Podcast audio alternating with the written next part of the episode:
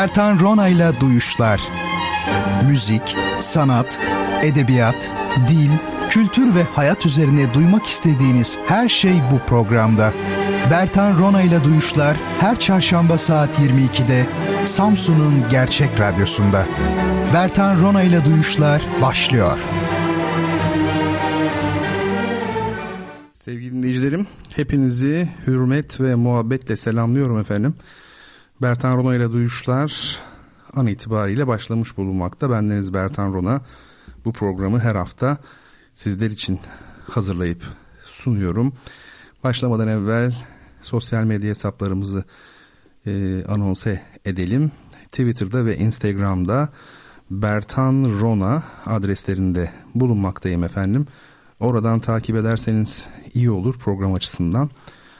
E, çünkü her hafta olduğu gibi bu haftada hediye kitaplarımız olacak. E, bunlar için soru soruyoruz bildiğiniz üzere program içerisinde. Ve bu sorulara doğru veren ilk dinleyicimiz her kimse ona kitaplarını gönderiyoruz. Bu gece de güzel e, kitaplarımız olacak efendim. Onun dışında e, bertanrona.gmail.com e, adresinden bana yazabilirsiniz. duyuşlar.gmail.com adresi de e, yine sevgili dostlar bizlere ulaşabilmeniz açısından caridir yani geçerlidir. E, şimdi e, ben Deniz bu gece e, oldukça hastayım aslında fakat duyuşları son zamanlarda bir hayli aksattığım için programı her şeye rağmen yapmak istedim. E, günler sonra ilk defa bugün dışarı çıktım bir hava almış olmak için. E, hastalığım da devam ediyor aslında böyle bir birdenbire öksürük krizi gelebiliyor ki aslında radyoculuk açısından en son istenecek şeylerden biri öyle olursa e, beni idare edersiniz artık ve duyuşların samimiyetine verirsiniz. E, şimdi duyuşlar kendine özgü bir program olduğu için e, ben öksürürsem uzun uzun müzik arası giremezsek e, o esnada e, tarihe geçeriz. En kötü ihtimalle bu olur. Tabii bu işin e, şakası inşallah öyle bir şey olmaz. E, Van'daki Bahçesaray'daki felakete bir başsağlığı dileyerek e, o insanlara başsağlığı dileyerek yakınlarına daha doğrusu başlamak istiyorum. Bir şekilde orada hayatını kaybeden sivil olsun asker olsun herkese Allah'tan rahmet diliyorum. Yakınlarına da başsağlığı diliyorum. Sabır diliyorum. Yaralılar vardır mutlaka pek takip edemedim. Onlara da acil şifalar diliyorum. E, Türkiye'de o kadar çok e, kaza oluyor ki veya başka hadiseyle şey vesilelerle insanlar ölüyor ki artık bunları ezberledik. Yani işte ölenlere rahmet, yakınlara başsağlığı e, ve sabır, yaralılara acil şifa. Yani bu dahi kalıplaştı ne yazık ki. Ben bu sabah e, şöyle bir telefonuma baktığımda güne e, eğri bele çığ düştü e, haberiyle uyandım. O şekilde uyanmıştım. E, yani yol kapanmış. Van'daki faciayı daha sonra öğrendim. Bu Van Bahçesaray arası tabi nerede oldu bilmiyorum tam olarak çığ düşmesi ama Van Bahçesaray yolu çok tehlikeli bir yol. E, aşırı derecede yüksek bir yol. E, müm- mümkünse kışın kullanılmamalı orası ama tabi insanların da ihtiyaçları var. Ulaşım en önemli ihtiyaçlardan biri. Ne yapacaksınız yani mecburiyet. E, orada Karabet geçidi var. Tahminimce çığ orada yakın bir noktaya düşmüştür. E, Karabet geçidi 3000 e, rakımlı bir şey geçit. Dünyanın da 25. en yüksek karayolu geçidi. Türkiye'nin en yükseği. Aslında daha yüksek geçitler de var. Çuh gibi geçitler, ağızlı gibi geçitler ama onlar kullanılmıyor artık. 3250'lik e, geçitler bunlar. E, insan tabi tabiat karşısında çok çaresiz. E, istediğimiz kadar modern hayatın içinde yaşayalım, tabiattan kopmuş olalım. İşte kışın o tür bir yerden e, geçeyim de yani göreyim ben sizi. Çok acayip gerçekten. Tabi bazı geçitleri Türkiye'deki e, türlü nedenlerle açık tutmaya çalışıyorlar.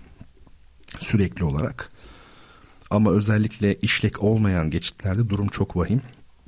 Mesela Kop geçidi e, yıllık sıcaklık ortalaması e, Karabet'in bile epey altında olan bir geçit ama eski İpek yolu geçidi. Yani İpek yolu dediğimiz bu Trabzon-İran transit yolu üzerinde olduğu için çok önemli. Orası açık tutulmaya çalışılıyor özellikle.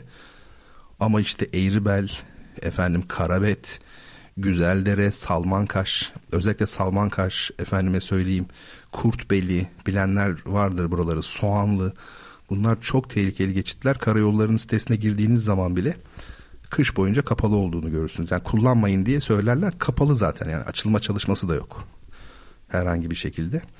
Buralara gidecekseniz yazın gidin kesinlikle. Geceleri zaten geçmeyin.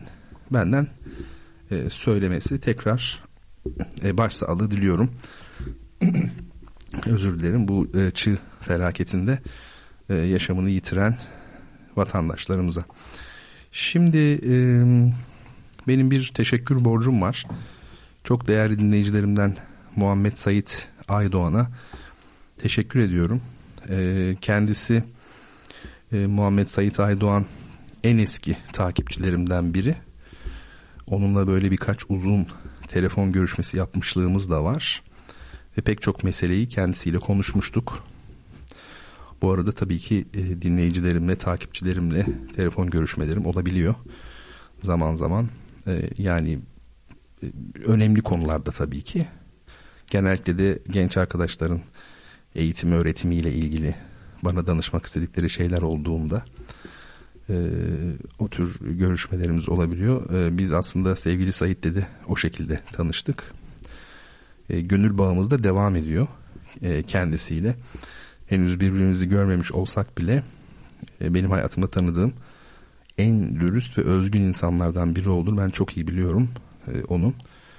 E, şimdi fotoğrafını falan paylaşmadım özel olduğunu düşündüğüm için ama e, şunu bütün samimiyetimle söyleyeyim hayatımda aldığım en e, orijinal ilk üç hediyeden biri oldu diyebilirim. E, gerek içeriği, gerek kutusu e, inanılmaz hakikaten e, çok otantik, e, çok sağlıklı, her bakımdan olağanüstü ve estetik de e, çok teşekkür ediyorum sevgili Sait yalnız insanları da çatlatır gibi böyle anlattım. Şöyleydi böyleydi merak da uyandırdım. E, yani özür diliyorum bunun için ama e, bu şekilde e, bilinsin istedim. Çok zarif bir davranış çünkü. Şimdi program öncesi son dakikalarda dahi ben çok yoğun oluyorum. Yani çünkü duyuşların pek çok işi var. E, bana yardımcı olan bir kişi var ama e, yine de o yeterli değil. Aslında dolayısıyla bu koşturmacadan dolayı Instagram'da bir paylaşım yapamadım. E, ama yapacağım arada şimdi müzik arasında. Yani bu birinci bölümde e, Instagram'a yüklemem gereken fotoğrafları da yükleyeceğim. O şekilde devam edeceğim. E, orada bu geceki e, hediyelerimiz vardı. Aslında Twitter'dan paylaşmıştım. O yeterli bakabilirsiniz. Edgar Allan Poe'nun üç kitaptan oluşan e, bir küçük seti.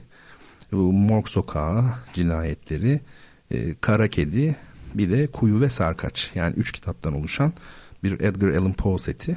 E, ilk soruyu, ilk sorumuzu bilen dinleyicime bunu e, armağan etmek istiyorum. Bu üçlük seti. Arkasından da ikinci hediyemiz Milan Kundera'nın Kimlik adlı tanınmış eseri. Onu da e, ikinci sorumuzu bilen ilk dinleyicimize hediye olarak göndereceğiz inşallah. Şimdi e, yardım kampanyalarımızla ilgili birkaç şey söyleyeyim. E, bir öğrencimizin e, geçen hafta ama e, birikmiş bazı böyle faturaları ve kirası vardı bir de kitapları e, eksikti karşılanması gerekiyordu. Biz zaten ona burs da arıyorduk bir taraftan. Tabii e, bu şeyler karşılanmış oldu. Twitter'dan bir saatlik bir şeyle ilginçtir. Ekstra bir gelişme oldu. Bizim için bir saatlik bir duyuruyla e, bütün e, bu e, hanım kızımızın öyle diyeyim ihtiyaçları ta, yani faturalar efendime söyleyeyim kitaplar, kira hepsi tamamlanmış oldu. Bu yani bu kadar çabuk olması beni hakikaten mutlu etti. E, bütün takipçilerime ben çünkü radyodan yapmadım onu Twitter'dan yapmıştım. Bütün takipçilerime çok teşekkür ediyorum. E, çok hem sevindim hem duygulandım hakikaten. O kadar kısa sürede halledebilmemiz beni e, iyice umutlandırdı. E, biz bu arkadaşımıza, bu öğrenci kardeşimize burs da arıyoruz. E, o daha önemli tabii. Bu bursu birkaç kişi de verebilir. Yani illa bir kişi verecek diye bir şey yok.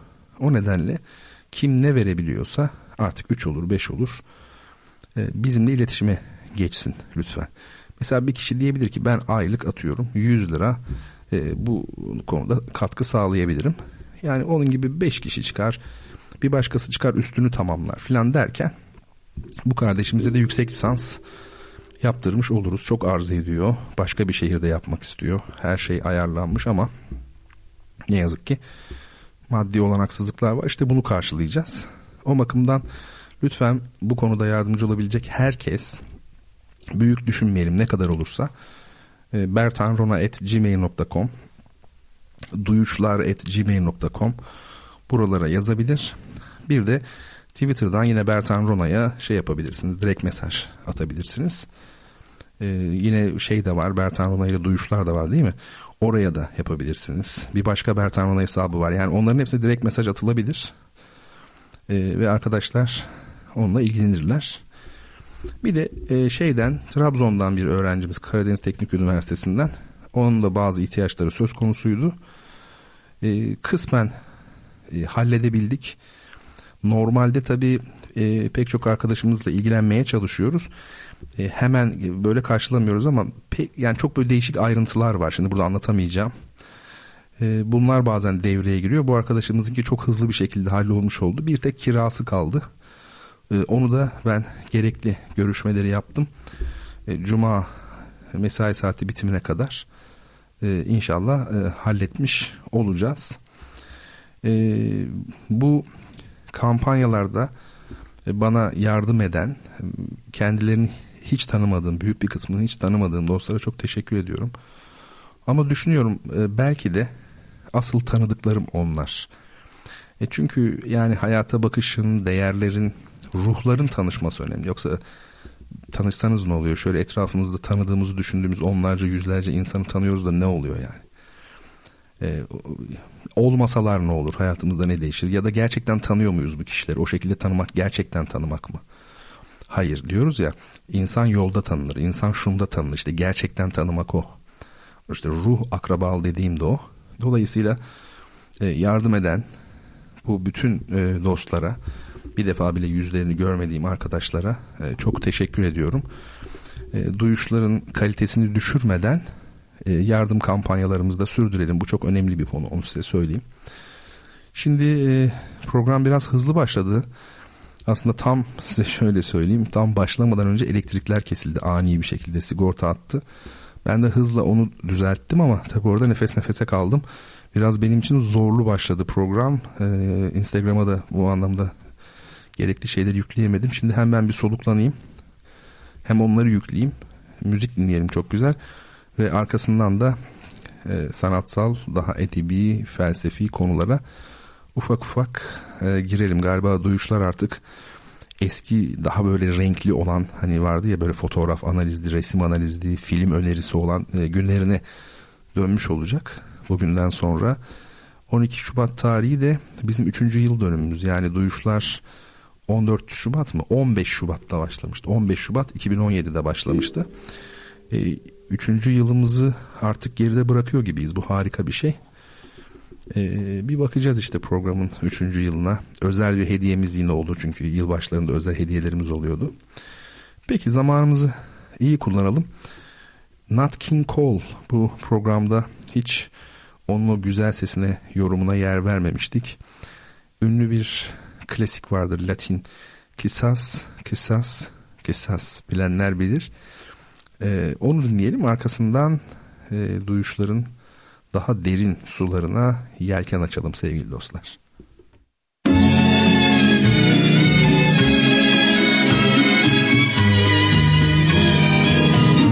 Siempre que te pregunto que cuando, cómo y dónde, tú siempre me respondes, quizás quizás, quizás.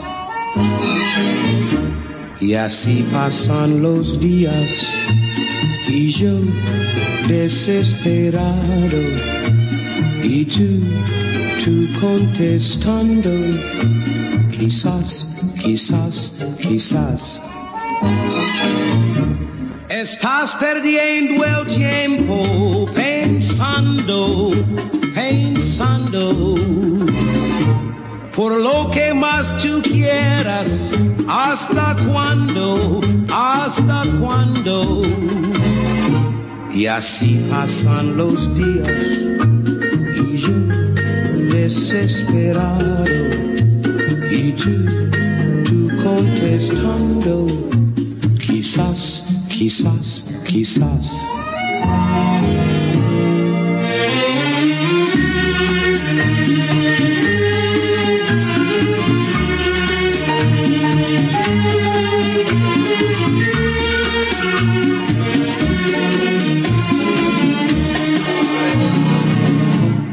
así pasan los días y yo desesperado y tú, tú contestando, quizás, quizás, quizás. Estás perdiendo el tiempo pensando, pensando por lo que más tú quieras, hasta cuándo, hasta cuándo. Y así pasan los días y yo desesperado y tú, tú contestando, quizás, quizás, quizás, quizás, quizás, quizás, quizás. Quizás. Quizás. Sevgili dinleyiciler Bertan Rona ile Duyuşlar devam ediyor efendim. Ee, Instagram'a yüklemeyi unuttuğum o ilk e, fotoğrafları yükledim. Orada bu gece sizlere hediye edeceğimiz kitaplar var. Arkasından da hemen şimdi bu bölümde e, üzerinde duracağımız ya da ismi zikredeceğimiz kişilerle ilgili görseller mevcut. İlk fotoğrafta bir kitaplık görüyorsunuz.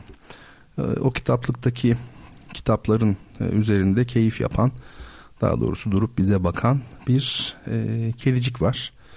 E, gayet şirin. Ne kadar estetik hayvanlar değil mi? Kediler. Hiçbir canlı onlar kadar e, estetik değil. Hakikaten sevimli de değil. Bu kedi biraz hem meraklı hem böyle endişeli hem dertli bakıyor gibi o ayrı dava tabii. Şimdi e, bu fotoğraf kime ait bilmiyorum açık konuşmak gerekirse. Anonim diyelim biz şimdilik. Belki de ünlü bir fotoğrafçınındır. Ben tabii e, internette e, görüp değerlendirdim o ayrı. Şimdi bu fotoğrafa baktığımızda akla ilk gelen şey belki e, Bilge Karasu'nun meşhur kitabı oluyor. Ne kitapsız ne kedisiz. Tabi burada e, şimdi Türkiye ilginç bir ülke. Herkes bunu söylüyor ne kitapsız ne kedisiz falan. Herkesin dilinde kitap ve kedi. Hatta Türk entelektüellerinin bir nevi mottosu olmuştur diyebiliriz. Öyle değil mi?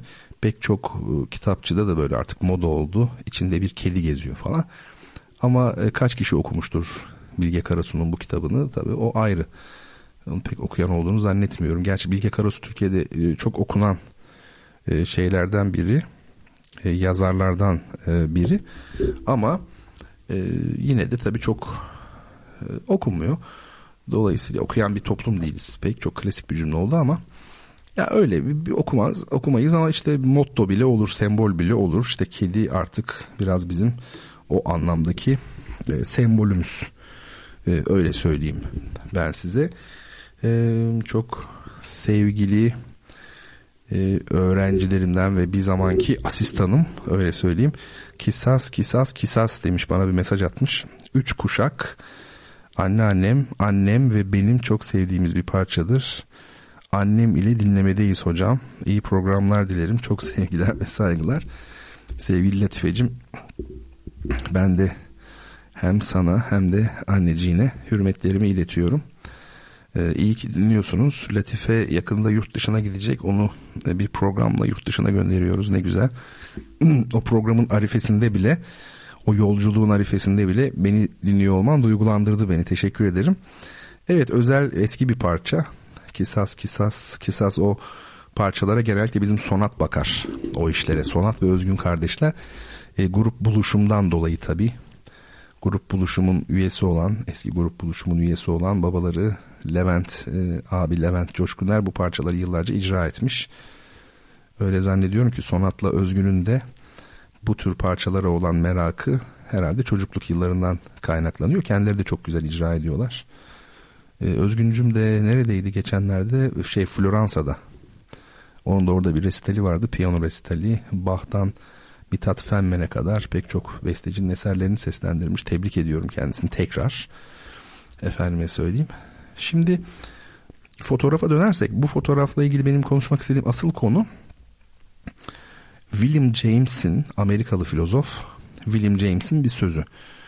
William James diyor ki insanın evrendeki durumu bir kedinin kitaplıktaki durumu gibidir. Görür, işitir ama anlamaz. Yani kedi kitaplıkta hakikaten de görüyor, işitiyor ama o içerikten nasıl habersizse efendim insan da kainatta böyledir. Görür, işitir ama hiçbir şey anlamaz. Peki gerçekten öyle mi? Bu tabi bir epistemoloji konusu. Yani bilgi bilimi. E, felsefenin içindeki en önemli müstakil alanlardan biri. Bilgimizin kaynağı, bilgimizin sınırları, kapsamı, eşyanın yani şeylerin, nesnelerin gerçekten bilinip bilinemeyeceği üzerine sürüp giden tartışmalar, materyalist ve idealist kampların bambaşka e, argümanlarla ortaya çıktıkları, e, efendime söyleyeyim Kant'ta, e, Marx'ta bambaşka biçimler almış olan bir konu tabii ki bilgi bilimi. Felsefe içerisinde de önemli yeri var. Ana hatlarıyla e, bilinemezci diyebileceğimiz bazı düşünürler eşyanın tam olarak bilinemeyeceğini yani şeyin eşyanın kendisi dediği Kant'ın yani Dinganzih dediği e, mesele budur. Yani biz e, eşyayı bir yere kadar bilebiliriz e, fakat belli bir noktadan sonra onu asla bilemeyiz. Orası da eşyanın bizatihi şey yani kendi e, zatı olmuş oluyor. Burada zatın sıfatlardan ayrılması meselesi var ki idealizm için son derece tipiktir. E, materyalist kamp ise sıfatlar ile zatı yani nitelikler ile tözün cevherin kendisini birbirine ayırmadığı için e, herhangi bir şey bilinebilir. Sonuna kadar bilinebilir. Yani insanoğlu için bilinemez bir şey yoktur. O an için bilinmeyen şeyler vardır. Ama onlar da bir gün öğrenilecektir. Yani o e, aslında o şeylerin bilinemeyeceği anlamına gelmez. Arada işte iki kamp arasında böyle farklılık var. Kamp şey Kant burada tabii tamamen idealist çizgide durmuş oluyor bu yönüyle ama sadece çok büyük bir düşünür. Peki e, bilmek herhangi bir şeyi bilememek ya da bilmenin önemi hangi şeyin e, bilinmeye değer oluşu e, bunlar e, üzerinde durulması gereken şeyler. Yunus Emre diyor ki ilim ilim bilmektir. Şimdi bunu şöyle okuyorlar. İlim ilim bilmektir filan. İlim ilim bilmektir ne demek ya? İlim ilim öyle bir şey yok. İlim virgül ilkokul öğretmeni gibi söylüyorum ama ilim virgül ilim bilmektir. Ya ilim dediğin şey e, öğrenmeye değer şeyin ne olduğunu bilmektir. İlmin ne olduğunu bilmektir diyor aslında. Şimdi burada biraz yürüyecek olursak e, anlamlandırma meselesine geliyoruz. İnsan bir anlam arayışında. E, e, olaylara, nesnelere, ilişkilere, tarihe, e, ana hatta geleceğe anlam verme gayreti içinde olan bir varlık insan. E, bunun nedenlerinden biri muhtemelen ölümlü oluşunu bilen bir varlık olması. Yani hayvanlar da yaşıyorlar ama ölümlü olduklarından haberdar değiller. Oysa insan öleceğini biliyor. Bu insanın ilk trajedisidir aslında. Ve ontolojik bir şeydir. İlk demeyelim o yüzden zamanla ilgili değildir. Yapışıktır insana. Ontoloji böyle yapışık olan, size yapışık olan bir şeydir. Efendime söyleyeyim. E, o bakımdan tanımla anlam arasında bir fark söz konusu. Tanımla anlam. Şimdi sonsuzluk e, sonsuzluk üzerinde çok düşünülmesi gereken e, bir kavram. E, şunu da belirtelim sınırsızlıkla karıştırılıyor zaman zaman. Zaman sınırsız olmaz. Zaman sonsuz olur. Mekan sınırsız olur. Mekan sonsuz olmaz. Özellikle bu hata çok yapılıyor. Yani mekan sonsuz. Hayır. Mekan iki boyutlu ya üç boyutlu neyse sınırsız sınırları vardır ama zaman sonlu ya da sonsuz olabilir. Şimdi burada nas dediğimiz bir kavram var. Nas. Yani Kur'an-ı Kerim'de mesela kesin hüküm bildiren cümleler değil mi ayetler nas'tır. Şu şöyledir. Mesela yani net onu tartışmaya hiçbir açık yok. Cemil Meriç, sosyolog Cemil Meriç nas ile sonsuzu genellikle özdeşleştirmiştir. Yani bir mutlaka duyulan ihtiyaç, bir sonsuza duyulan ihtiyaç anlamlandırma açısından. Çünkü bunu yapmazsanız her şey anlamsız olabilir. Ee, bir şunu söyleyelim. Ee, Cemil Meriç'in bir sözü var yine. Hakikati imanın dışında arayanlar karşılarında absürtü buldular diyor. Bakın bu olağanüstü bir cümledir. ilginç bir cümledir. Eleştirilecek yönleri de var kanımca. Ee, ne olduğunu söyleyeceğim şimdi. Ee, şöyle hakikati imanın dışında arayanlar karşılarında absürtü buldular. İşte o nas var ya ya da mutlak olan ya da sonsuz olan ya da işte o anlamlandırma. Bu söz konusu olmazsa yani bu yoksa ortada o zaman gördüğünüz her şey modern bilimdeki gibi olur. Aslında bir çeşit absürditedir. Yani ne demek bu? E, şimdi çok net oturtacağım yerine. E, kadim dünyada bir soru vardı mesela. Neden sorusu. İnsanlar bu soruyu sorarlardı. Gökyüzüne baktıkları zaman mesela neden diye soruyorlardı. Bu neden var. Ee, öyle değil mi? Gökyüzü tamam çok güzel. İlk baktıklarında çok etkilemiş onları. Kozmos demişler. Kozmetikle aynı kökten gelir. Yani süslü demektir. Yani çünkü o güzellik onları etkilemiş. Bizde de mesela efendim heyet denir astronomiye. Bir araya gelme yani müheyya Var ya eski bir şarkı Rakım Elkutlu'nun rahmetli. Müheyya oldu meclis sakıya peymaneler dönsün. Çok çok güzel bir şarkı. Ee, Hüseyin'i makamındaydı galiba tam hatırlayamadım. Şimdi yani kompoze edilmiş oluyor gökyüzü ama bu yetmemiş eski insanlara sormuşlar. Neden bunu kim yaptı demişler. Dolayısıyla buradaki asıl mesele e, her şeyin olay nesne ve ilişkinin bir başka şeye işaret et, edip etmemesi hadisesi. Yani sadece kendisi midir yoksa bir anlamı mı vardır? İşte bu noktada bakın bir örnek vereyim size. Alem diye bir kelime var biliyoruz. Değil mi? Arabi bir kelime bu Arapça. Şimdi Türkçe aynı zamanda Türkçeleşmiş yani biz kullanıyoruz o ayrı. Ama asıl kökü ne Arapça? Yani orada alemin ilk asındaki şapkayı kaldırırsanız uzatma işaretini yani alem Alem ne demek? Alemdaroğlu diye bir şey var mesela.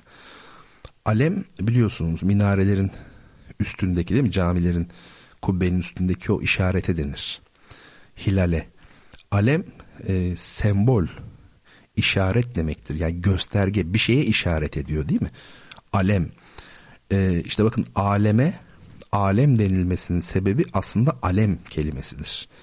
Alemin gökyüzünün bir şeyi gösterdiği, bir şeye işaret ettiği meselesi vardır burada e, temelde. O da Allah'a bu düşünceye göre. Ve e, ilim kelimesi de bakın buradan geliyor. Yunus Emre'nin e, o ünlü sözünün de cevabı yine bu düşünce sistematiği, bu temel kabuller, bu konvansiyonlar içinde ortaya çıkmış oluyor. O da ilim. Demek ki neymiş? ilmin ne olduğunu bilmektir. Yani neyi, neyi öğrenmemize gerek var? İşte bakın alemi ve alemi. Bunun neye işaret ettiğini. Modern bilim biliyorsunuz nasıl diye sormaz. Özür dilerim. Nasıl diye sorar. Nedenini sormaz. Bilim nedenle uğraşmaz. onu tamamen ortadan kaldırmıştır artık. Oysa ki felsefe ile dini düşünce neden diye sorar. Yani kendisiyle ilgilenmez. Bunun anlamı nedir der. Bu konuda böyle uzar gider. Cemil Meriç'in sözüyle ilgili eleştirilebilecek şey Cemil Meriç tabi hakikati imanın dışında arayanlar karşılarında absürdü buldular. Derken şunu e, kastediyor açık bir şekilde bir referans noktasına saplamadığımız zaman o pergenin sabit ayağını yani bir inanç noktasına bir sonsuzluğa bir mutlaka bir imana değil mi temel referansa saplamadığımız zaman e, karşımızdaki her şey aslında anlamsız görünür, absürt görünür. Şunu da söyleyelim Nikolay Hartman e, yeni ontolojinin çok büyük ismi. E, eserleri istifadeye şayandır. İstifadeden çok da tefekküre şayandır. O diyor ki görelilik için bile bir referans noktası gerekir. E, bakın bu kadar önemli o referans, sabit ayak, sonsuzluk, mutlak olan işte Cemil Meriç'in Nas dediği değil mi? Nas o sonsuzlukla açıklamış ya o açıdan söylüyorum. Şimdi hakikati imanın dışında arayanlar yani bu referanslar dışı olmazsa yani bunlar olmazsa o zaman her şey ne görünür? Saçma. Gökyüzüne bakarsınız yıldızlar, ka- e, hani kainat, galaksiler. E yani ne bunlar? Değil mi? Bakın absürt oldu diyor Cemil Meriç ama şunu söyleyelim. Cemil Meriç yanlış hatırlamıyorsam bu tespitini şeyde yapıyor. E, varoluşçular eleştirirken Camus'u vesaire. Ama şunu belki şerh düşebiliriz. Cemil Meriç rahmetliyi eleştirme anlamında değil. E, şu noktaya belki işaret edilebilir. E, şeyler Sartre kuşağı, Camus kuşağı onlar korkunç bir şey atlattılar. O da 2. Dünya Savaşı. Ben hep söylüyorum bizim millet olarak en büyük eksikliklerimizden biri bunu unutmak. Yani e, biz felsefe üzerine, sosyoloji üzerine, kültür meseleleri üzerine e, düşünce üretirken ve Avrupa kültürünü, Avrupa insanının düşünce tarzını anlamaya çalışırken İkinci Dünya Savaşı'nı ıskalayamayız. Iskalarsak pek çok şey etkisiz kalır. Yani yetersiz kalır, e, anlamsız kalır. Yani biz İkinci Dünya Savaşı'nı yaşamış olsaydık belki Camus Cemil Meriç için bu sözü yazacaktı. Yani şunu demek istiyorum. E, e, Camus'lerin e, efendim pek çok şeyi absürt bulmasında inançsızlıkları değil ya da şöyle diyelim pek çok şeyi absürt bulmasında hatta inançsızlıklarında zaten 2. Dünya Savaşı'nın çok büyük etkisi var. 60 milyon insanın öldüğü, e, Avrupalıların birbirini yok ettiği bir savaştan bahsediyoruz ve ne için çıktığı belli ama yani 60 milyon insanın ölmesi gerçekten çok saçma bir şey. E, efendime söyleyeyim. O bakımdan e, o büyük travmanın etkisiyle de bu tür düşünceler yayılmış oldu biraz da. Onu da unutmamak gerekiyor. Şimdi bu konu uzar gider. E, onu size söyleyeyim. Yani daire sembolizmi de var içinde özellikle bunun.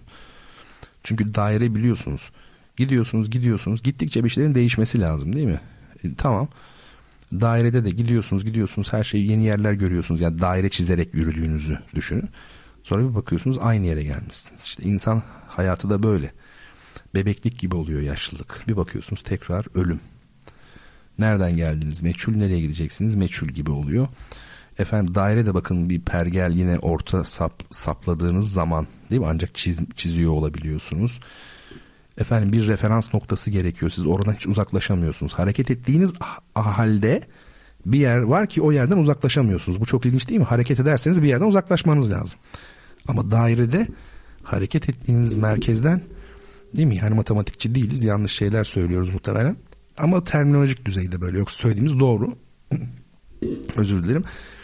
Efendim yürüyorsunuz ama uzaklaşamadığınız bir yer var. Sizi adeta yakalamış böyle e, perçeminizden, e, binasiyenizden böyle değil mi? İşte o ne olmuş oluyor?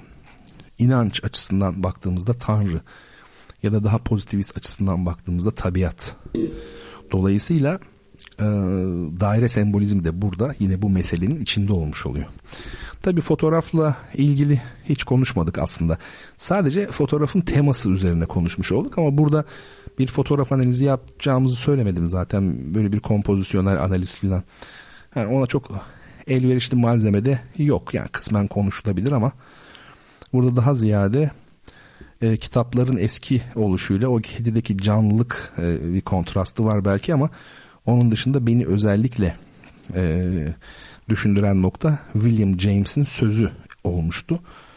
Yani kedi kitaplıkta nasıl gördüğü, işittiği halde anlamıyor ise insan da kainatta gördüğü, işittiği halde anlamıyor diyordu James. Ben de bu söz üzerine düşüncelerimi biraz söylemiş oldum. Şimdi dostlar gelin şu ilk hediye kitabımızı daha doğrusu kitaplarımızı üç taneydi ya ilk e, kitaplarımız bir set. E, Edgar Allan Poe seti. Hangi kitaplardı bunlar? Bir tanesi Morg Sokağı Cinayetleri bir tanesi Kara Kedi diğeri de Kuyu ve Sarkaç kitabıydı. Bunları bulabilirsiniz şeyde. Instagram'a yükledim. Yani Google'da da vardır zaten. E, hangi kitaplar olduğunu görebilirsiniz. Ben şimdi soruyu sorayım yaklaşık 12 bin yıl sonra dünyanın kutup yıldızı olacak olan ve şu anda da kuzey yarımkürenin en parlak gök cisimleri arasında bulunan yıldızın adı nedir? 12 bin yıl sonra bizim kutup yıldızımız olacakmış.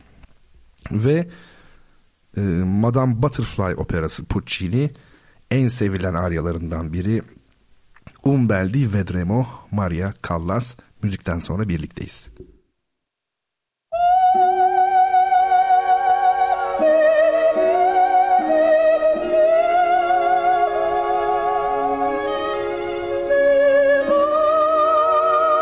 Christ.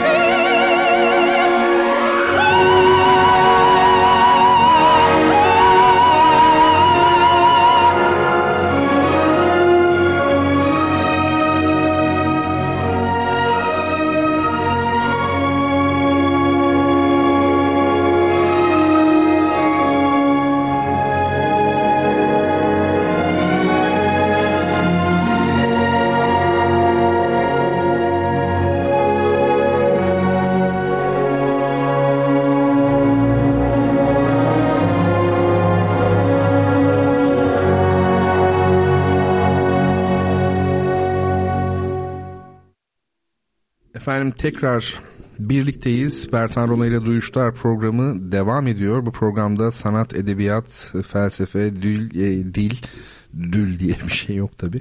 Dil, kültür ve hayat üzerine konuşuyoruz. E, Twitter'da ve Instagram'da Bertan Rona adreslerindeyiz. E, bertanrona.gmail.com'dan bize ulaşabilirsiniz.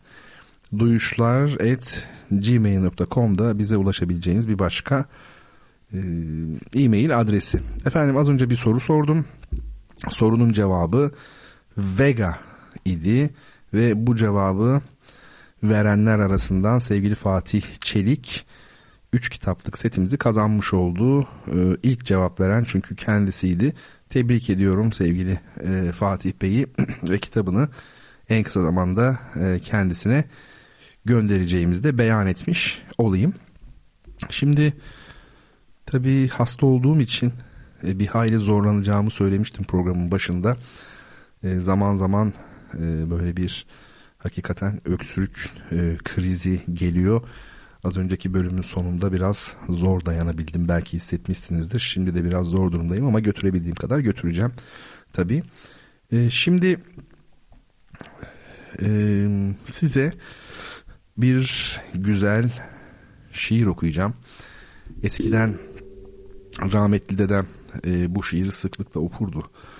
E, bana çok güzel masallar da anlatırdı nur içinde yatsın. E, onun masallarında ve şiirlerinde bir dünya e, vardı. Özellikle doğulu bir dünya. Yani Arap, Fars ve Türk e, kültürlerinden mürekkep e, bir dünya, masalsı bir dünya hakikaten. E, okuduğu pek çok ezbere okuduğu e, pek çok şiir vardı. Bu şiir de onlardan biriydi.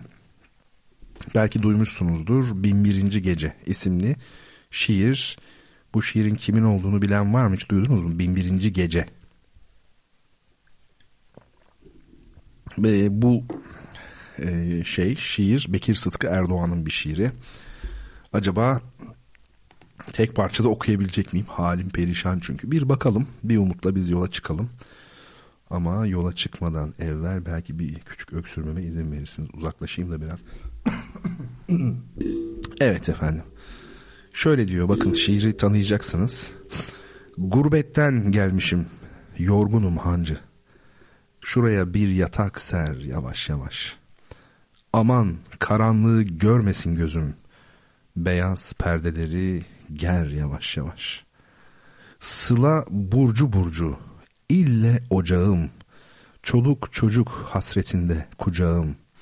Sana her şeyimi anlatacağım. Otur başucuma, sor yavaş yavaş. Güç bela bir bilet aldım gişeden. Yolculuk başladı Haydar Paşa'dan. Hancı ne olur elindeki şişeden birkaç yudum daha ver yavaş yavaş. Ben o gece hem ağladım hem içtim. İki gün diyardan diyara uçtum. Kayseri yolundan Niğde'yi geçtim. Uzaktan göründü bor yavaş yavaş. Garibim, her taraf bana yabancı. Dertliyim, çekinme, doldur be hancı. İlk önce kımıldar hafif bir sancı, ayrılık sonradan kor yavaş yavaş. Bende bir resmi var, yarısı yırtık. On yıldır evimin kapısı örtük. Garip bir de sarhoş oldu mu artık, bütün sırlarını der yavaş yavaş. İşte hancı, ben her zaman böyleyim. Öteyi ne sen sor, ne ben söyleyeyim. Kaldır artık, boş kadehin eyleyim. Şu bizim hesabı gör yavaş yavaş. Evet bu şiir Bekir Sıtkı Erdoğan'ın en ünlü şiirlerinden biridir. Hem aruzla hem hece vezniyle şiir yazmış olan bir e, büyük şairin belli bir dönem için tipik bir eseridir aslında. İşte efendim Han Duvarları e, gibi ya da o dönemin yine benzer e, bir takım ünlü şiirleri e, gibi onlarla aynı kulvarda yer alan içinde buram buram Anadolu olan ama e, hanlarla, kervansaraylarla, bazen kar ile efendime söyleyeyim insanı özdeşleştiren bu ikisi arasında bir benzerlik ilişkisi e, kuran bir gelenek bu. Yani burada insan var tabii her şeyden önce ama Anadolu'yu da hissetmiş oluyorsunuz. Tıpkı han duvarlarındaki gibi. Evet şimdi e, biraz da zorlandığım için aslında size biraz Bekir Sıtkı er-, Erdoğan'dan söz etmek istemiştim. Bir de çok dilli arkeoloji terimleri sözlüğü var. Halet Çambel, Güven Arsebük ve Sönmez Kantman'ın.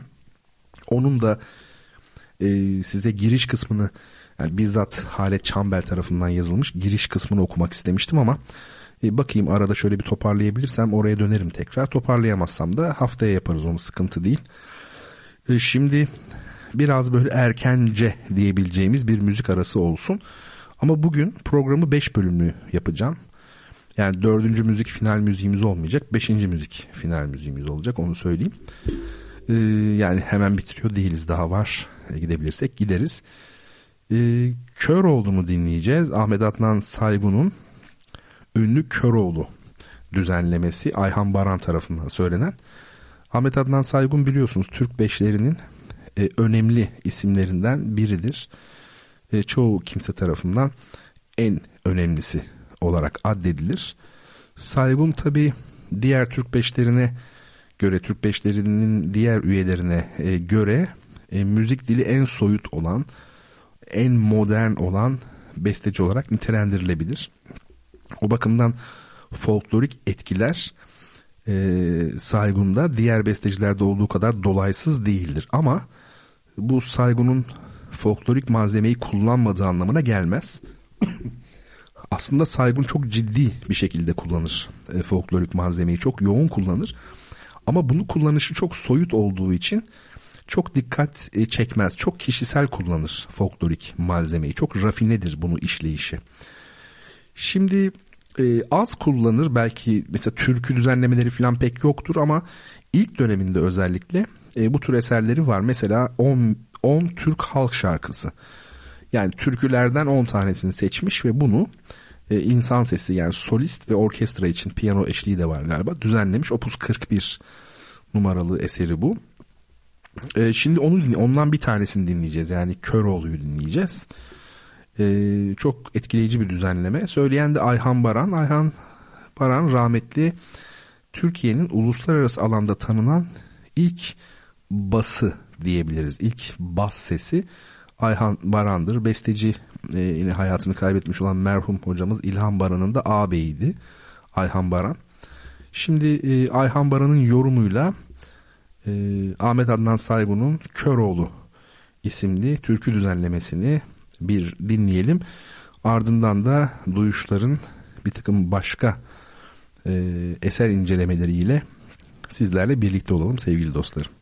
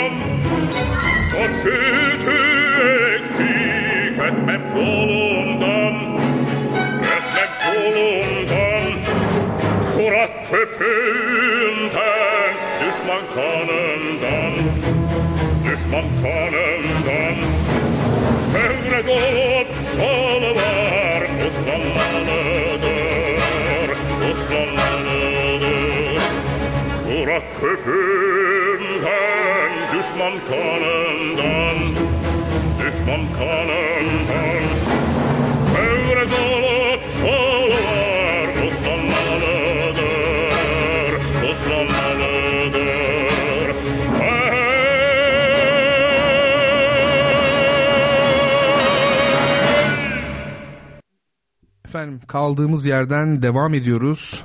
Bertan Rona ile Duyuşlar programındasınız efendim. Müzik, sanat, edebiyat, felsefe ve benzeri konularda konuşmayı sürdürüyoruz. Her ne kadar şu an itibariyle hepsinden konuşmuş olmasak da devam edeceğiz efendim. Şimdi e, umarım beğenmişsinizdir Köroğlu'nu, Ahmet Adnan Saygun'un e, ünlü düzenlemelerinden biriydi bu. Köroğlu yani folklorik malzemeyi en açık kullandığı düzenlemelerden biridir. Yoksa Saygun'un bu tür bir eserini bu şekilde bulamazsınız.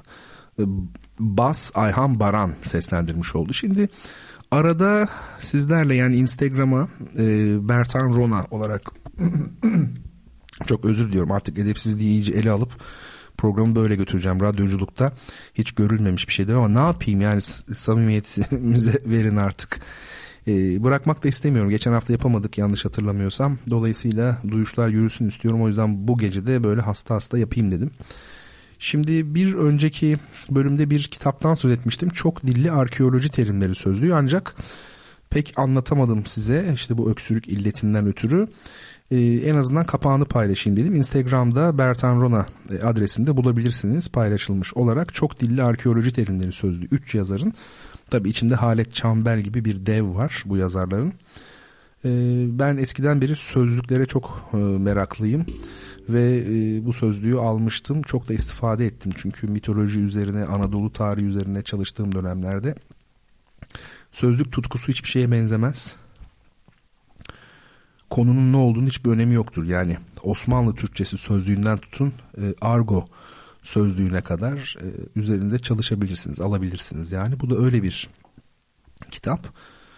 E, pek çok arkeoloji teriminin Fransızca, İngilizce karşılığını Fransızca, İngilizce, Almanca ve tabii Türkçe olarak bir arada bulabiliyorsunuz. Öyle söyleyelim.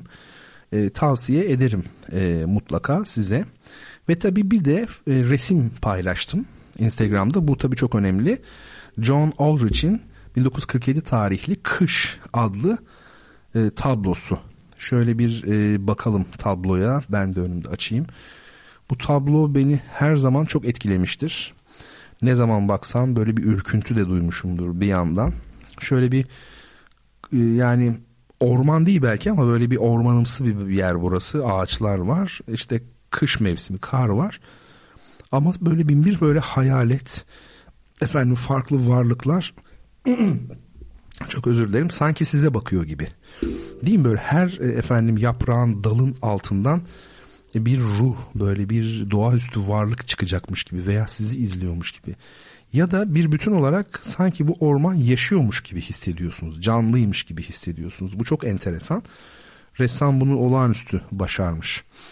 Şimdi kış ne demektir? Tabi aslında Van'daki çığ bunu bir kere daha gösterdi ne demektir. Zordur kış mevsimi. Türkiye bir yayla coğrafyacılar arasında öyle yani coğrafyacılar öyle diyorlar. Anadolu yaylası. Ha, Türkiye'de sayısız yayla var ama Türkiye'nin kendisi de bir yayla. Çok da yüksek bir yayla. O bakımdan Türkiye'nin e, büyük kısmında şey soğuk geçer zaten. Kış soğuk geçer. E, ama e, Türkiye'nin kıyı kesimleri tabii kışın ne olduğunu tam bilmemiş oluyor hiçbir zaman. Oysa ki kış zordur, serttir. Kış güneşi de çok değerlidir o yüzden. En sevdiğim şeylerden biri kış güneşidir. Yani Aralık sonunda, Ocak'ta, Şubat'ta açan güneş harikadır gerçekten.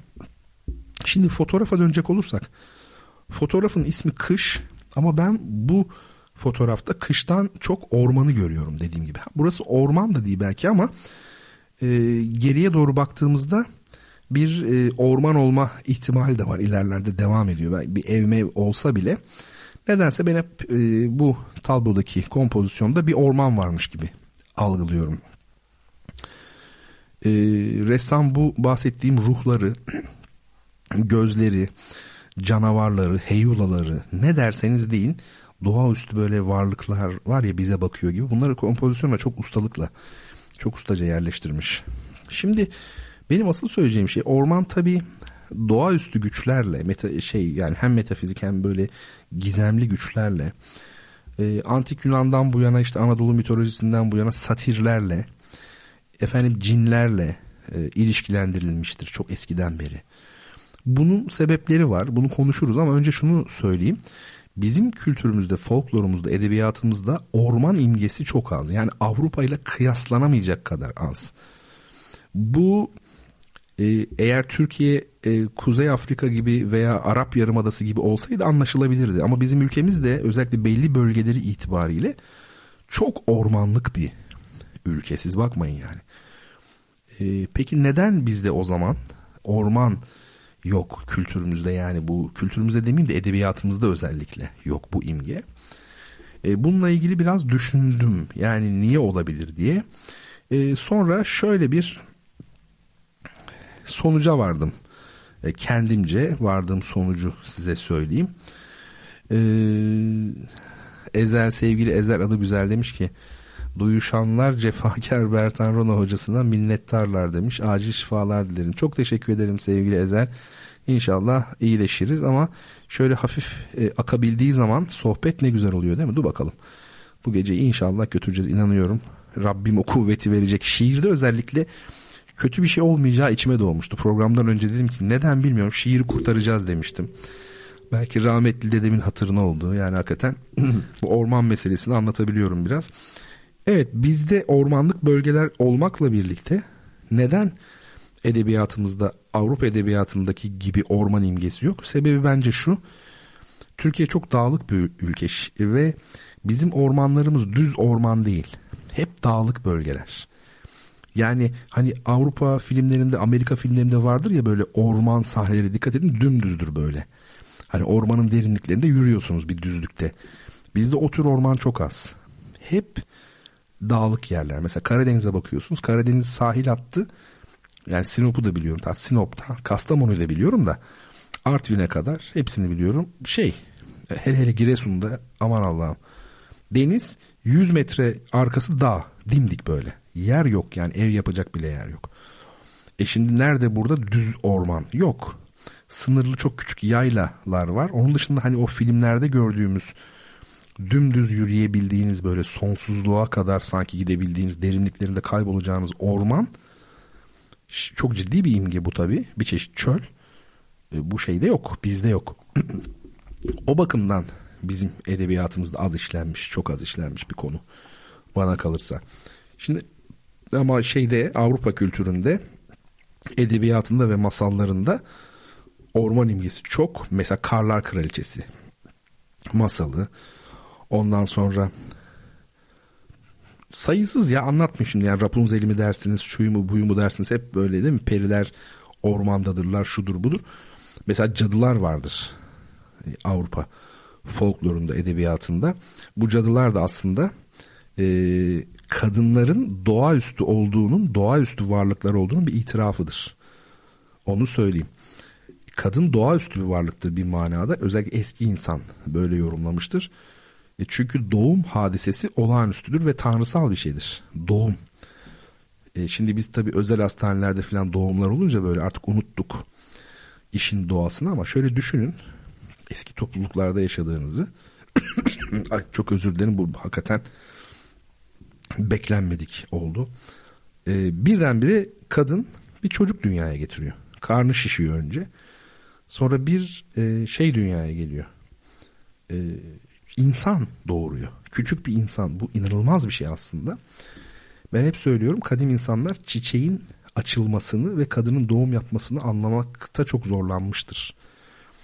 Bu işte Allah'ın el evvel ismi var ya yani evvelden. Gerçi oradaki tabii kıdemle ilgili bir şey ama şimdi çiçeğin açılmasında bakıyorsunuz içeri doğru ne kadar giderseniz gidin ya, ya bu çiçek nereden açılıyor? İlk kaynağı ne? O meçhul. Efendim kadın doğum yapıyor. Nereden geldi bu çocuk? Meçhul. O yüzden hep söylüyorum kadının içi olur erkeğin içi olmaz. Bu şey siz söyleyin adını e, sistem kadın denen varlığa aslında en çok zarar veriyor bugünkü dünya. Kadınlık e, ciddi manada ölmüş durumda. Her şey daha kanlı, daha sert, daha erkeksi, egoya dayalı, nefse dayalı, sahip olmaya dayalı. Çünkü müşteri olmak zorundasınız. Müşteri de her şeyi ister. Çocuklara dikkat edin. Şimdiki çocuklar yeni nesil. Egolar çok şişkin falan deniyor ya. Tabii öyle olmak zorunda. Çünkü nasıl alışveriş yapacak bu adam? Bunlar kapitalizmin doğal sonuçları. Durun daha ne hale gelecek dünya. E, yani öyle değil mi? Şimdi alkışlıyoruz ya. Yaşasın Sovyetler Birliği yıkıldı, şu oldu, bu oldu falan. Tamam çok güzel. Seyredin o zaman. Bakalım öyle alkışladığın gibi miymiş? Hiçbir şeyde e, e, kantarın topuzunu kaçırmayacaksın. Yani iyi ayarlayacaksın. Onu söyleyeyim. Eleştirilerde de öyle. E, elden bırakmamak gerekiyor. İnsaf, nısf, Arapça ortadan demek, ortadan bölmek, adalet gibi yani. E, Nurullah Ataç'ın bir sözü var. Her e, doğrunun içinde bir yanlış olduğu gibi her yanlışın içinde de bir doğru vardır diyor. Bu önemli bir şey. Şimdi e, bu cadılardan bahsediyordum. Hani kadının olağanüstü olması, işte kadınların e, kadınların içine cin girmesi, sonra cadı olmaları veya bugün bile işte e, her yerde var Anadolu'da da var işte kadınlara cin musallat olması falan bu aslında eskiden beri kadının e, sezgileriyle e, olan gücü ilişkisi ya da kadının tabiatla olan ilişkisi çünkü kadın e, nefsle özdeşleştirilmiş eski toplumlarda erkek hikmetle yani erkek akılla kadın sezgiyle olmuş oluyor dolayısıyla e, kadın insan denen varlığın tabi yönü sezgisel yönü e, gibidir. Bu kadim algıyı özellikle söylüyorum. İşte Hazreti Havva'nın Hazreti Adem'i kandırması normalde e, yani bir kişinin bir kadının bir erkeği kandırmasından ziyade orada insan denen varlığın nefsine yenilmesi. Bir nefs bir hikmet temsil ediyor dedim ya eski anlayışa göre. Efendim biraz bunu da aslında anlatmış oluyor bir yönüyle baktığımızda. Şimdi e, kadın ve sezgi, kadın ve tabiat, e, o zaman kadınlarla cinler, kadınlar ve orman, cadılar, tablo harika ve koca karı ilacı. Ay çok özür dilerim. Ayıp oluyorsa yazın hakikaten Twitter'dan da kapatayım programı yani ama inanıyorum samimiyetime e, yani o hatıra bağışlıyorsunuz beni ve bu konular da güzel olduğu için e, devam edelim hadi gelin. E, koca karı ilacı diye bir şey var. Niye dede ilacı yok mesela?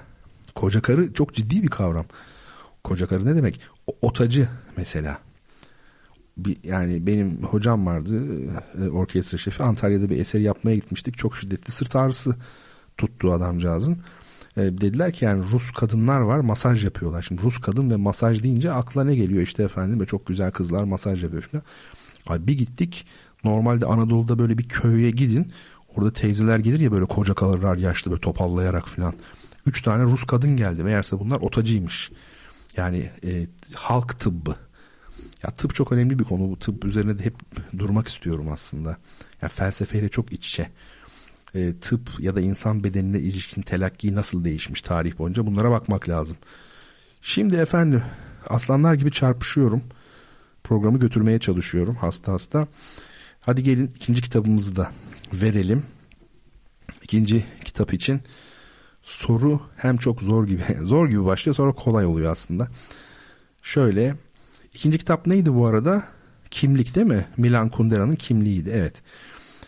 Efendim baklagiller familyasının bir ürünü olan Akdeniz ikliminin hüküm sürdüğü yerlerde doğal olarak yetişen yeşil çalı ya da ağaç biçiminde olan ve ülkemizde harnup olarak da bilinen sağlığa çok yararlı bitkinin adı nedir? Hani harnup pekmezi falan da yapılır ya artık iyice kolaylaştıralım dedik. Soru buydu. Şimdi Besame Mucho'yu dinleyeceğiz. Consuelo Velázquez'in çok ünlü Latin klasiği Besame Mucho ama bunu böyle çok oynak bir şekilde dinlemeyeceğiz. Gonzalo Rubalcaba piyanoda ve vokalde Amy Nuviola böyle çok doğal bir ev kaydı gibi kendi aralarında yapmışlar böyle iki müzisyen. Ve tabi Gonzalo'nun armonileriyle Amy'nin müthiş sesi harika bir yorum çıkarmış ortaya. E, şimdi bu güzel yorumla çok daha hüzünlü, ruhuna uygun bir Besame Mucho dinleyelim ve sonra son bölümde birlikte olalım.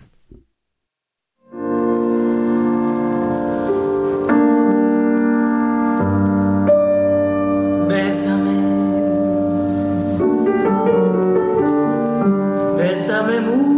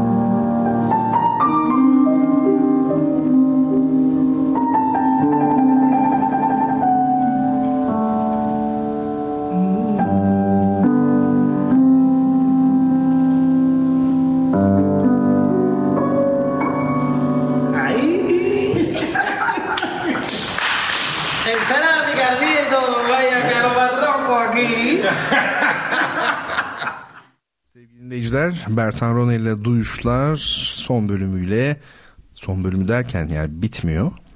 Allah muhafaza. Son bölümü derken bu gecelik e, son bölümüyle e, yine karşınızda efendim yaklaşık 15 dakikalık bir zamanımız var. Bu zamanı en iyi şekilde değerlendirelim. Size bir bitkinin adını sormuştum. E, doğru cevap tabi hepinizin harnuptan dolayı bildiği değil mi? Kabul edelim dürüst olalım. Bakın şimdi o başta okuduğum uzun efendim tanıma kalsaydı kimse bunu bilemezdi. Yok efendim baklagillerden işte şuymuş da buymuş da ama ne zaman ki harnup dedim Hemen bildiniz. Tabi Harnup'u da niye söyledim? Bilin diye söyledim. Sonu biraz saçma oldu ama öyle. Kolay olsun diye söyledim ve pek çok arkadaşımız yazmış. Sevgili Gizem Dur Durdu. Gizem Durdu doğru cevabı ilk yazan kişi olduğu için e, onu da kaydetmiş oluyoruz ve e, kitabımız Milan Kundera'ydı. Kundera'yı kendisine göndereceğiz. Hemen e, inşallah en kısa zamanda yarın olabilir yarın sabah göndereceğiz efendim. Şimdi ben şöyle bir notlarıma baktım. Bugün duyuşlarla ilgili biraz hazırlık yaparken çok eskiden kalmış şeyler var. Yani üzerinde duracağım demişim durmamışım. Bir kısmı da hep insanların böyle e, rica ettiği hocam şunu da konuşalım mı filan. Yani benim yine şeyim yani utanmazlığım öyle söyleyeyim bir kısmı o. Efendim. Bir tanesi de şöyle bir şey çıktı. Bu nereden kim demiş bilmiyorum. Pozlar ve ayrıcalıklı anlar. Deleuze, filozof Deleuze bunları zıtlaştırıyormuş. Mesela poz nedir meselesi. Ondan sonra Spinoza'nın var olan vardır ama yok olan niye yoktur demesi. Bir de aralık nedir? Interval yani Latince. Mesafe nedir? Bunlar arasındaki ilişki. E, çok enteresandır hakikaten bu meseleler. Bunun üzerinde e, herhalde konuşmak üzere bunlar kalmış. Şimdi Deleuze'ün pozlar ile ayrıcalıklı anları zıtlaştırması meselesi e, uzun bir hikaye. Açıkçası bu 10 dakikaya sığmaz. Onu söyleyeyim ama poz nedir? Ayrıcalıklı an nedir? En azından bunlar üzerinde e, durabiliriz. Şimdi e, poz, poze etmek, pozisyon bunların hepsi e, birbiriyle akraba aslında kelimeler. Yani bir şeyi üst üste koymak. Daha doğrusu durması, koymak onun sabitliği belki de. Ama felsefi yönleri çok. Biliyorsunuz uçan ok aslında gitmemektedir, durmaktadır. Zenon'un yine e, kavramsal yani diyalektikle e, o dönemde ortaya koyduğu bir uslamlama, bir e, paradoks. E, değil mi? Aslında ok durmuyor tabii ki fakat e, Zenon diyor ki e, ok hareket etmiyor. Yani burada yine bir e, analog e, dijital meselesi var. Yani arka arkaya bir takım e, anların birbirini takibinden oluşuyorsa e, o zaman her bir anda duruyor zaten nasıl gidecek diyor. Şimdi e, şunu söyleyelim resimde tabii poz çok önemlidir. Resimde zaman var mıdır? Deniyor ki resim mekan işidir. Zaman var mıdır? Valla çok büyük bir resme bakacak olursanız hatta böyle Viyana'da filan benim karşılaştığım olmuştur. Rubens'lerle mesela büyük Rubens tablolarıyla e, o zaman ben göreyim siz zaman var mı yok mu? Çünkü aynı anda tamamına bakamıyorsunuz. Neredeyse o kadar büyük ya da hani daha büyüğünü düşünelim. Efendim e, o zaman e, resimde de zaman olmuş oluyor bir anda. Değil mi? Şimdi mesela kader dediğimiz şey işte diyelim ki biz siz kervandasınız 5 kilometrelik bir kervan. Bakın 5 kilometre çok uzun. Siz onun en arkasındasınız. En öne gitmek istiyorsunuz. Oradaki bir kişiyle işiniz var. Şimdi siz oraya gidene kadar 5 kilometre yol alacaksınız. Ama bir de e, efendime söyleyeyim tabii e, kervanın da ilerlemesi söz konusu aynı zamanda. Sonuçta siz oraya 5 kilometre yol alarak gideceksiniz ve belli bir zaman demek bu sizin için. O zaman o ön kısımla bu kısım arasında Einstein'ın dediği gibi sadece mekan değil zaman da e, söz konusu. Bilmem kaç milyar ışık yılı uzaklıktaki bir galaksiyle sizin aranızdaki uzaklık zaman uzaklığıdır temelde. Öyle değil mi? Mesela şimdi gökyüzünde Betelgöz diye bir yıldız var. Betelgöz yapılan hesaplara göre patladı ya da patlayacak. Süpernova olarak ama e, bu hani ha şu an patladı ha bu an patladı dediğimiz bu zaman dilimi e, astronomide belki 10 milyon yıl civarı bir zaman. Yani o yüzden bize göre böyle şu an veya bu an değil. Betelgöz'e göre öyle. E, o bakımdan şimdi gökyüzünde şu an Betelgöz duruyor. Ama belki de patladı 500 bin yıl önce. Belki 3 milyon yıl önce patladı. Biz hala görüyoruz. Örnek veriyorum yani rakamları atıyorum. Betelgöz'ün uzaklığı ne kadar tam bilmiyorum ama dolayısıyla şey bu kadar önemli zaman uzaklık açısından. Ee, ama siz o şeyin kervanı yukarıdan görüyor olsaydınız en arkasıyla en önünü aynı anda görecektiniz.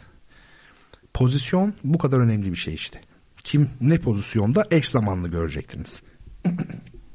Şimdi bunları bir ortaya koyalım. Ayrıcalıklı anlar ne demektir? Ayrıcalıklı an yani aslında altın cümle diyelim biz buna belki de.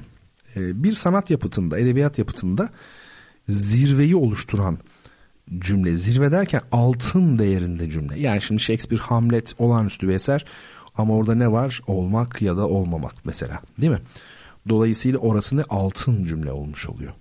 Ya da filanca bestecinin bir senfonisinde her yer çok güzel ama bir yer var, bir, o, bir pasaj. Geriye kalan o bütün ölçüler boyunca müzik neyi hazırlıyor? O altın cümleyi hazırlıyor mesela. Bu çok vardır. Mesela e, Schubert'in e, Familiar Fantasy'nin 3. bölümünde karşılaşabilirsiniz.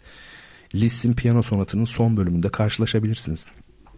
Pek çok yerde karşılaşabilirsiniz. Yani orayı hazırlar. Bruckner 4. senfoni. E, birinci bölümünde yine karşılaşabilirsiniz. E, Shostakovich'in keman konçertosunda bir yani la minörde efendim karşılaşabilirsiniz vesaire vesaire. Şimdi şunu söylemek istiyorum. Schopenhauer, filozof Schopenhauer diyor ki e, müzik tarihinde, işte müzik diyorum, um, sanat tarihinde e, tamamı altın cümle olan üç tane eser var, üç yapıt var diyor. Şimdi aslında bu çok sıra dışı bir olay. Sıra dışı değil, imkansız, metafizik bir şey. Tamamı altın cümle. Bir kere bir cümleyi altın cümle yapan şey diğerleri tarafından hazırlanmasıdır zaten. Hazırlanmadan nasıl altın cümle olabilir? Ama Schopenhauer diyor ki öyle üç eser var ki bunların her saniyesi, her cümlesi, her notası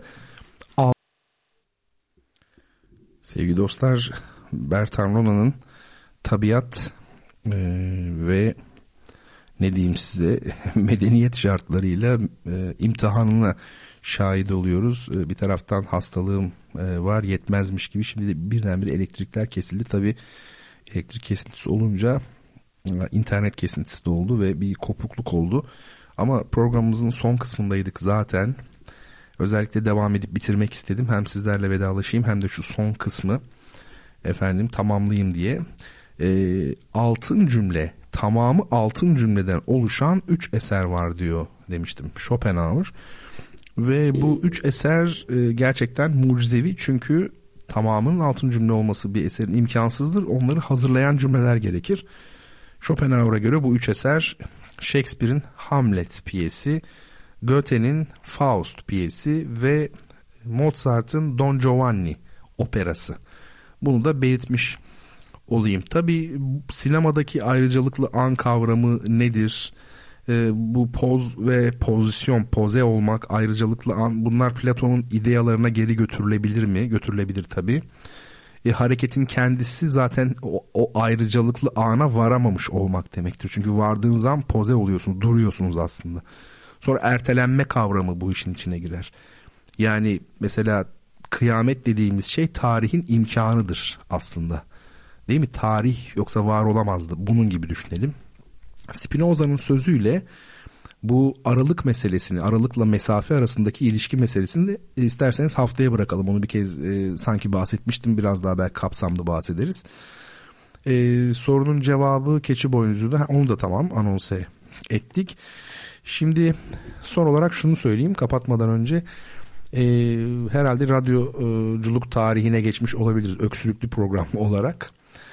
E, ama şöyle bir şey yani ben radyocu olarak kendimi görmediğim gibi müzisyen olarak da görmüyorum. Edebiyatçı, felsefeci olarak da görmüyorum. Hayatımın hiçbir döneminde öyle bir kaygım olmadı. Yok yalan oldu. Müzisyen çok iyi müzisyen olacağım diye bir gençlik dönemlerimde oldu da yani şu an yok. Uzun zamandır yok. O yüzden e, ben neyim? ne ne radyocuyum, ne şuyum, ne buyum. Bertan'ım sadece. Kendimi o şekilde görüyorum. Ne mutlu ediyorsa beni onu e, okuyorum, inceliyorum falan. Hoş son zamanlarda pek inceleyemesem de okuyamasam da. Şimdi e, o bakımdan sizler benim samimiyetime, duyuşların e, efendim orijinalliğine verirsiniz bu öksürük durumu. Öksürük şurubumu bile bu programdan yarım saat önce içtim. Daha ne yapayım yani? E, tabii zamanı geçmişti. Normalde günde üç defa içiliyor. Onu benim daha önce içmem lazımdı ama dokuz buçukta içtim ki yani etkisini böyle tam programda göstersin diye. Ama bence kurtardı beni yani her yani bütün bu rezaletlere karşın e, yine de bir buçuk saati hem programın sonuna kadar yani bazı şeyleri atlamakla birlikte genel manada götürebildik. Kitaplarımızı hediye ettik.